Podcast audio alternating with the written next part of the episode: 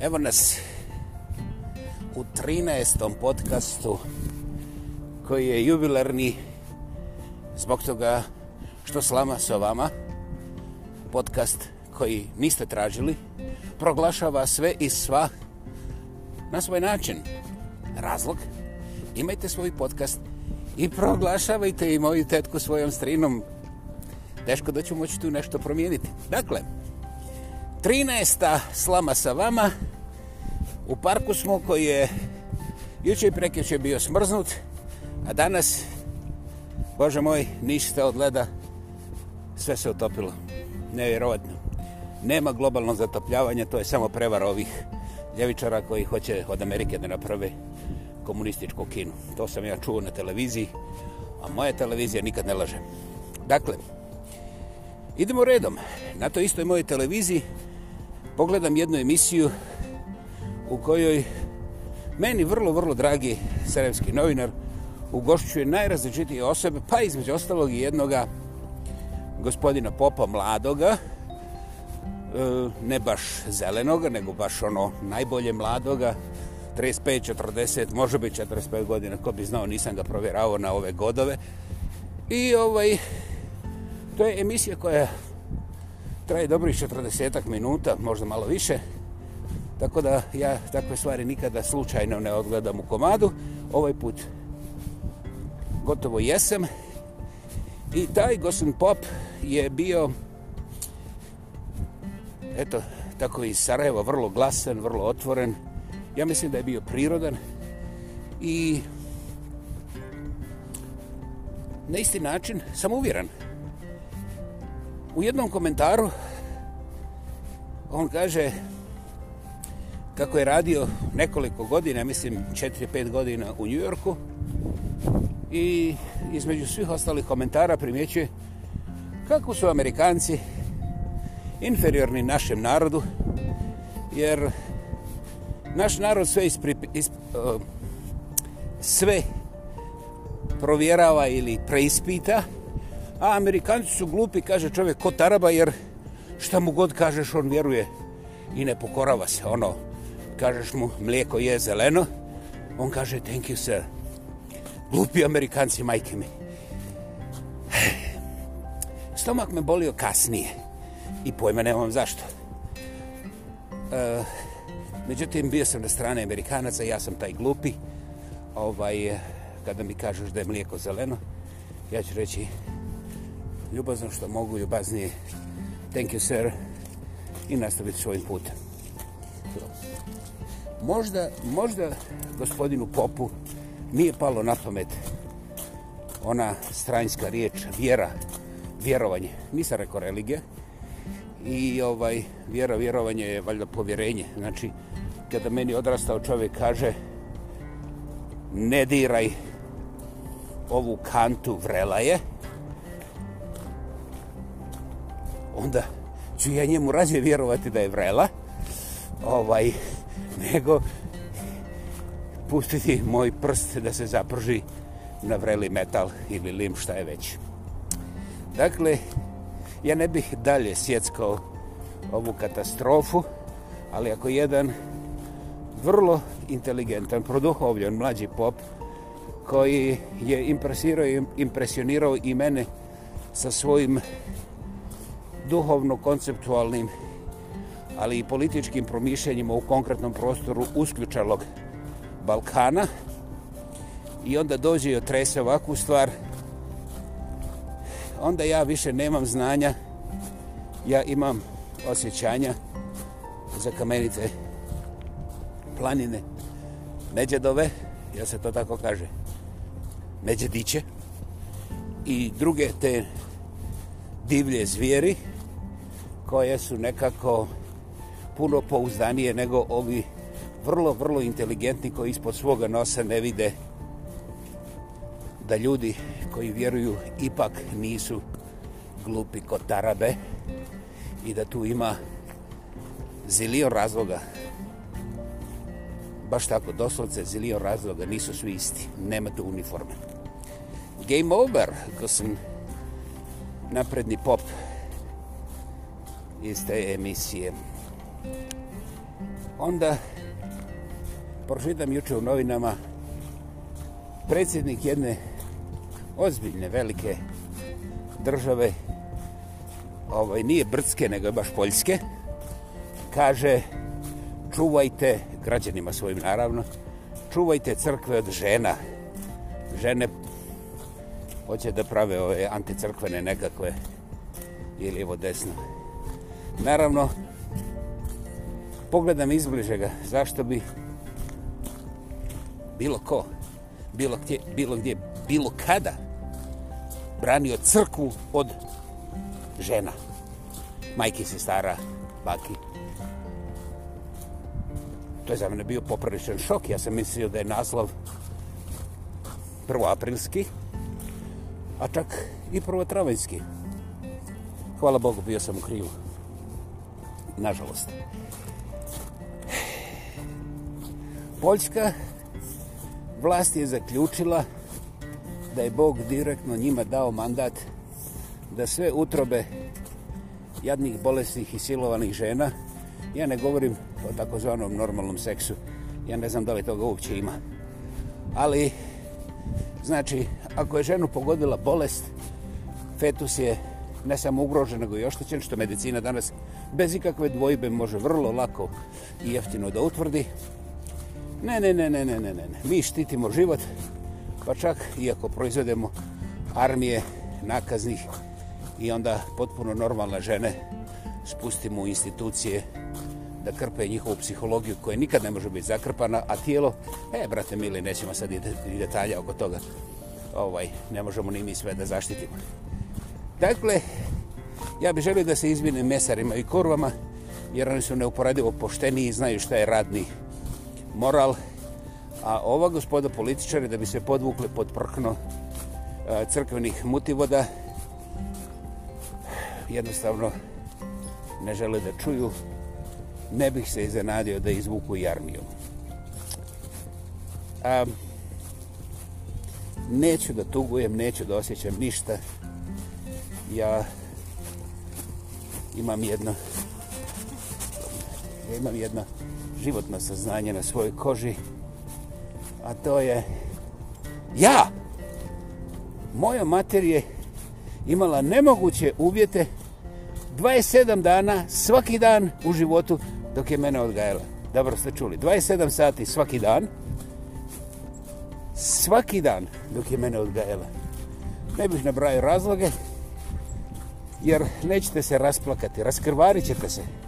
I opet mene, evo, debelo preko 60 godina trkoljem i zajebavam ljude na onom drugom kraju planete i ne zamuckujem. Mogu sam da se šetam, ne treba mi psihijatar. Um, čekaj, šta je ono još? Nemam sifilis, nisam nikad imao. Nisam bio narkoman. It's wonderful to see you guys. God bless you.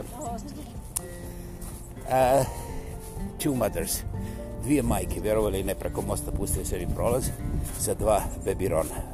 Oduševljen sam. To mi je kao dar za ovoj emisiju. Dakle, ta moja majka ne može da se opiše sa pojmom heroj ili kako ovaj lingvistički šovinizam nalaže heroina. Heroj za mene inače nema gaća, da budemo načito. To je duh, to je moć, to je snaga, to je intelekt. Opet, intelekt nema gaća gospodo moja, ako uzmete nekog kirurga i sad na stolu otkrijete da je to ženski kirurg, a nije muški, da li ćete prekinuti operaciju i reći ne, pustite da ja odumrem pa onda kasnije će ovi kurcovlasnici da izmise neku nauku koja će mene oživjeti.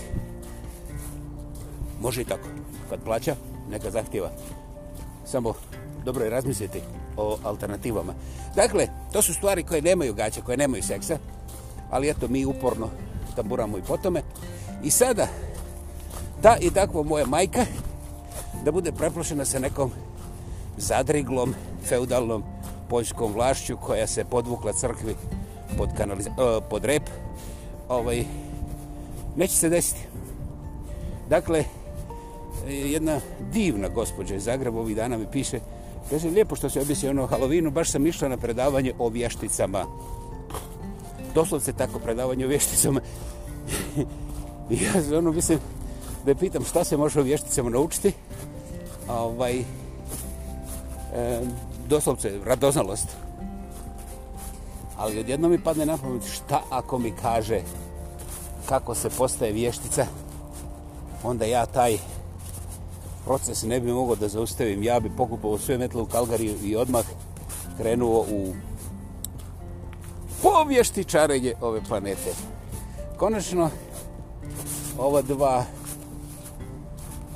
naslova mogu da povežem sa nečim što je ovaj doktor Hawkins govorio power versus forces power versus forces jeste snaga kontra sile i ta distinkcija kod nas nikada nije korištena za bistrenje vode ne do bog zahvatanje vode i davanje bolesnima i žednima, nego je upravo na toj crti distinkcije, razdjelnice, stvarano mutno blato, mulj i močvara u kojoj su i najpametniji i najdobrohotniji propadali. Dakle, čoveka se mrdalo sa jedne strane na drugu, tako da on na kraju nije znao ni šta je snaga, ani šta je sila, niti kako one koreliraju u nekom normalnom dinamičkom odnosu, jer taj odnos nikad nije statički. Čim vidite da te dvije stvari statiraju, to je zamka, tu se dešava nešto puno, puno gore i opasnije razmislite. Čak i u vašoj duši, kada nema nikog okola. Dakle, sila i snaga su nešto o čemu ćemo mi govoriti poslije 13 epizode ovoga Slama sa vama podcasta mojega samostalni lingvistički aktivista monumentalno autentični ja, ja pa ja tu u tekstualnom opisu uvijek stoji moje puno ime i prezime ukoliko želite da se žalite i imamo do sada u 11 država slušaj nas 8 ljudi kako je to moguće, pa lijepo, trojica od njih su putovali u neke druge države pa su nastavili i tamo da slušaju, jer ljudi, vjerovali ili ne, čak i putuju. Ja sam vam doista zahvalan, ovaj dijalog me doista osvježi i ja vjerujem ako jedna od ovih rečenica dođe do vašeg razloga za razmišljanje, šta god bude rezultat, To je naš zajednički uspjeh, a ja sam ponosan što sam eto to inicirao. Još jednom, hvala, hvala i hvala. Hvala. Uživajte. Srijeda je. Budite na svakom koraku optimistični, jer ja nikako da zaboravim cigane koji plešu na kiši i kažu poslije kiše, poslije kiše nije kiša, vjerovali ne, dobro, ovdje je pao snijeg, ali nećemo sad o detaljima. Hvala i čujemo se uskoro.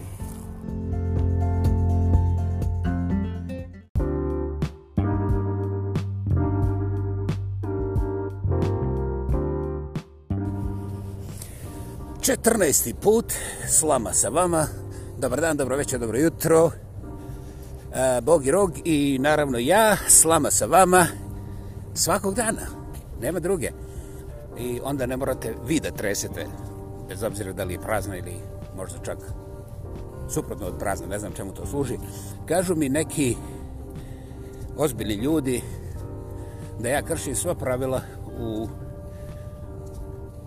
komunikaciji sa javnošću i ovaj njima nije jasno zašto ja ne vodim nikakvu borbu kontra tih tvrdnjih a istovremeno ni meni ništa nije jasno, osim što mi je drago da je primjećeno da sam ja, eto, sa perfektnim učinkom slomio, prekršio sva pravila javne komunikacije.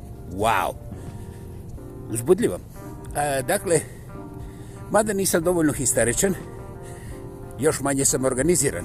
I to me onda dovozi u neku aproksimaciju sa spontanitetom, znači djetinjitetom. Aha. Zašto ne bijezim se neko reći?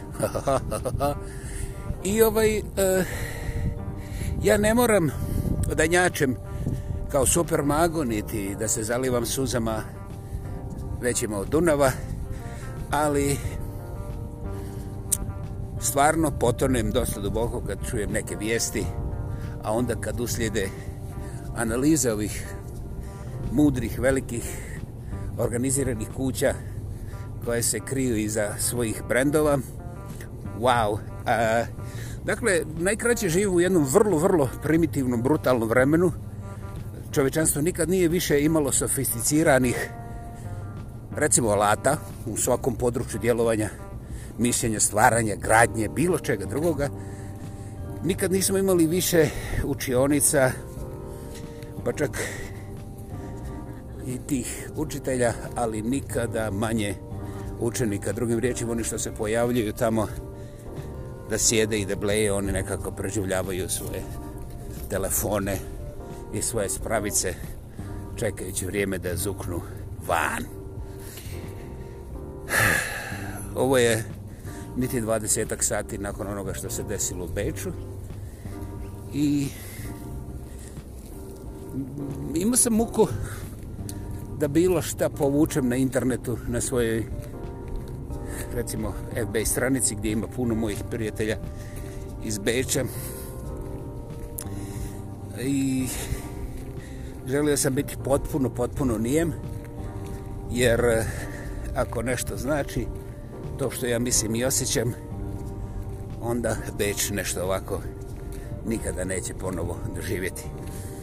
Ono što je meni posebno zapalo za oko, naravno, i nažalost ne radi se ni o čemu normalnom, a to je da je ovaj očigledno mentalno smaknuti deran, što nije opravdanje ni za njega ni za društvo, već bio procesuiran, znači neki sposobni sertificirani psihijatri predzatvorski pa zatvorski su uočili njegove tendencije, i čuli jasno njegove riječi.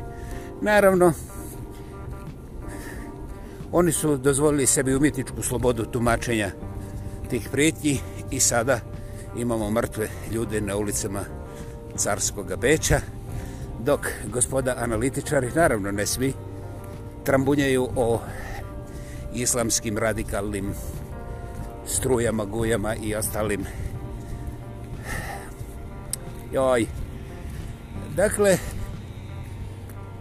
ovdje imamo previše ovog zvuka, pa ću se ja skloniti. Eh, da, imamo kancer razuma gdje za svaku glupost, za svaku krv odjednom, ovaj, vrlo popularno, terorizam jednako je islamizam i nije mi jasno ako političari lupetaju ovu glupost, zašto onda stvarni svećenici ne kažu dosta nam je toga, jer eh, zločin je konkretan i pojedinačan i ne može biti prišiven automatski nikome, jer čak i ovo svjetovno pravo kaže, barem načalno, da je svako nevin dok mu se krivje ne dokaže, a mi smo već naučeni da nam CNN kaže ili te ostale super financijski moćne informacijske kuće da nam upere prst u ISIS, DRISIS i tako dalje i mi odmah tamburamo kao ovce, ble, teror, ble, ISIS. Ljudi, ljudi, nije stvar da će nas to uništiti, da skratimo, neće. Nego ćemo biti sve gluplji, sve krvaviji, sve brutalniji. Ako pogledate zadnjih 20 godina od Gosen Busha mlađega, primijetit ćete ne samo tendencije, nego duboke oranice. I na njima više nema konja. Čak i magarci ostavljaju stvari. A majmuni odoše na visoka drva neće dolje. Ostaju nam samo grumpovi i trumpovi. I ovaj kome treba dalje objašnjenje, ha nek je Bogu pomoći. Ja sam je onako prešao 60-u i Bogu na ispovjed ne mogu pobjeći. I znaš što mi je jedina utjeha. Dakle, slama se vama 14. put, nažalost, preko Bečke. Pesme se ne krvi gdje je očigledno jedan vrlo, vrlo mlad čovjek umjesto da ode na liječenje završio u zatvoru, pa onda na Bečkim ulicama sa opakim oružjem. Um, ja nemam nikakve sumnje da će to samo biti intenzivirani način kvotan kvot pokazivanja neslaganja sa tendencijama društva, zato što svi skupa smo postali siti i nezahvalni i ne vidimo koliko bola nanosimo sa nekakvim glupostima nekim manje vidljivim ljudima pored nas. Naravno, u ovom svemiru sve se plaća. Karma nije kurva. Karma nije svetica. Karma nije svetica karma nije sudac. Znaš šta? Ali postoji i stiže svaki put. Kaže meni dragi doktor Čopra, u univerzumu ne postoji ni jedan dug koji nije naplaćen. Ljudi, stiče nas kamate. Nećemo moći da isplatimo dugove sa ovakvim načinom. Jer naši političari ne samo što su mentalno bolesni, nego su kao karakteri mrtvo hladno sebični, s time se ponose. Um, ono, totalno obsesivno skupljaju sve što mogu, čak i poštanske markice, razumiješ? Kada obljačkaju ljude sa ovim pravim markama, ovim financijskim. Ah. I autoritarnost je jedini zakon i mi smo prihvatili mi masovni mi koji, eto tako, nismo stigli do tih kraljevskih tronova i predsjedničkih dvorova, prihvatili smo da nas se tretira kao stoku jer jednog dana, ako budemo dovoljno dobri, neće nas nabiti na ražanj, nego ćemo ovaj, mi odvući njihove žrtve na ražanj. Za njih, naravno. Dakle, slama sa vama, ne plaće danas, ja sam sretan zbog Beča, jer vjerujem da će se otklon od eh, mladobušmanske tendencije optuživanja islama za svaki terorizam koji se pojavi na ovoj planeti. Ljudi početi nekako da koriste vlastitu glavu. Jer ovaj, to zahtjeva odgovornost prema sebi, zamisli. Ali, vrijedi. Ne zaboravite, karma nikada ne spava i ne pripada nekoj religiji. Da, tu već ulazim u ozbiljno razmišljanje. Slama sa vama, ja pa ja, kako drugi? Hvala vam, bio je ovo 14. put na digitalnim blesimetrinima, nema valova, nema talasa. A, gasan interneta koji se proteže svagdje gdje ima ljudi. Najvažnija mi je stvar da vam kažem, ja sam zahvalan Bogu i internetu što mogu da kažem upravo što sam kazao, a ne morate vjerovati. Meni nije presudan ni jedan jedini slušalac. Činjen se da ja mogu da zapišem i stavim za trajni rekord što ja mislim bez opterećenja, bez pripadnosti establishmentima, institucijama i bla bla bla izma koji hoćete. Dakle, sama činjenica da sam ja to mogao zapisati i postaviti negdje u taj prostor da traje, za mene je uzbudljiva, velika, inspirirajuća, impresivna i važna, važna za moj mentalni stabilitet, jer ja mogu večeras ponovo poslušati, opa imam onda dva slušatelja, i mogu da vidim da nisam mentalno potonuo, da još uvijek moja guzica nije postala veća od mojih usta i da kažem Bogu hvala. Ako umeđu vremenu steknem jednog pa dva slušatelja, pa to je, pa to je fantastično, to je, to je također fantastično. Međutim, ne mora. Dragi moji ljudi, ja ne radim ovo da budem popularan, jer popularnost je kao svaka kurva, nalickana prije prckanja, a poslije prckanja ima problema sa onim bubicama, kaže ono brega, e, pedikulis, ružiš, dobro, kod nekog pubis, ovaj, i čak ozbiljnije teme za problema. No, međutim, o tome nećemo, niko o tome ne govori javno. Hvala, hvala, hvala, hvala i čujemo se uskoro. Thank you.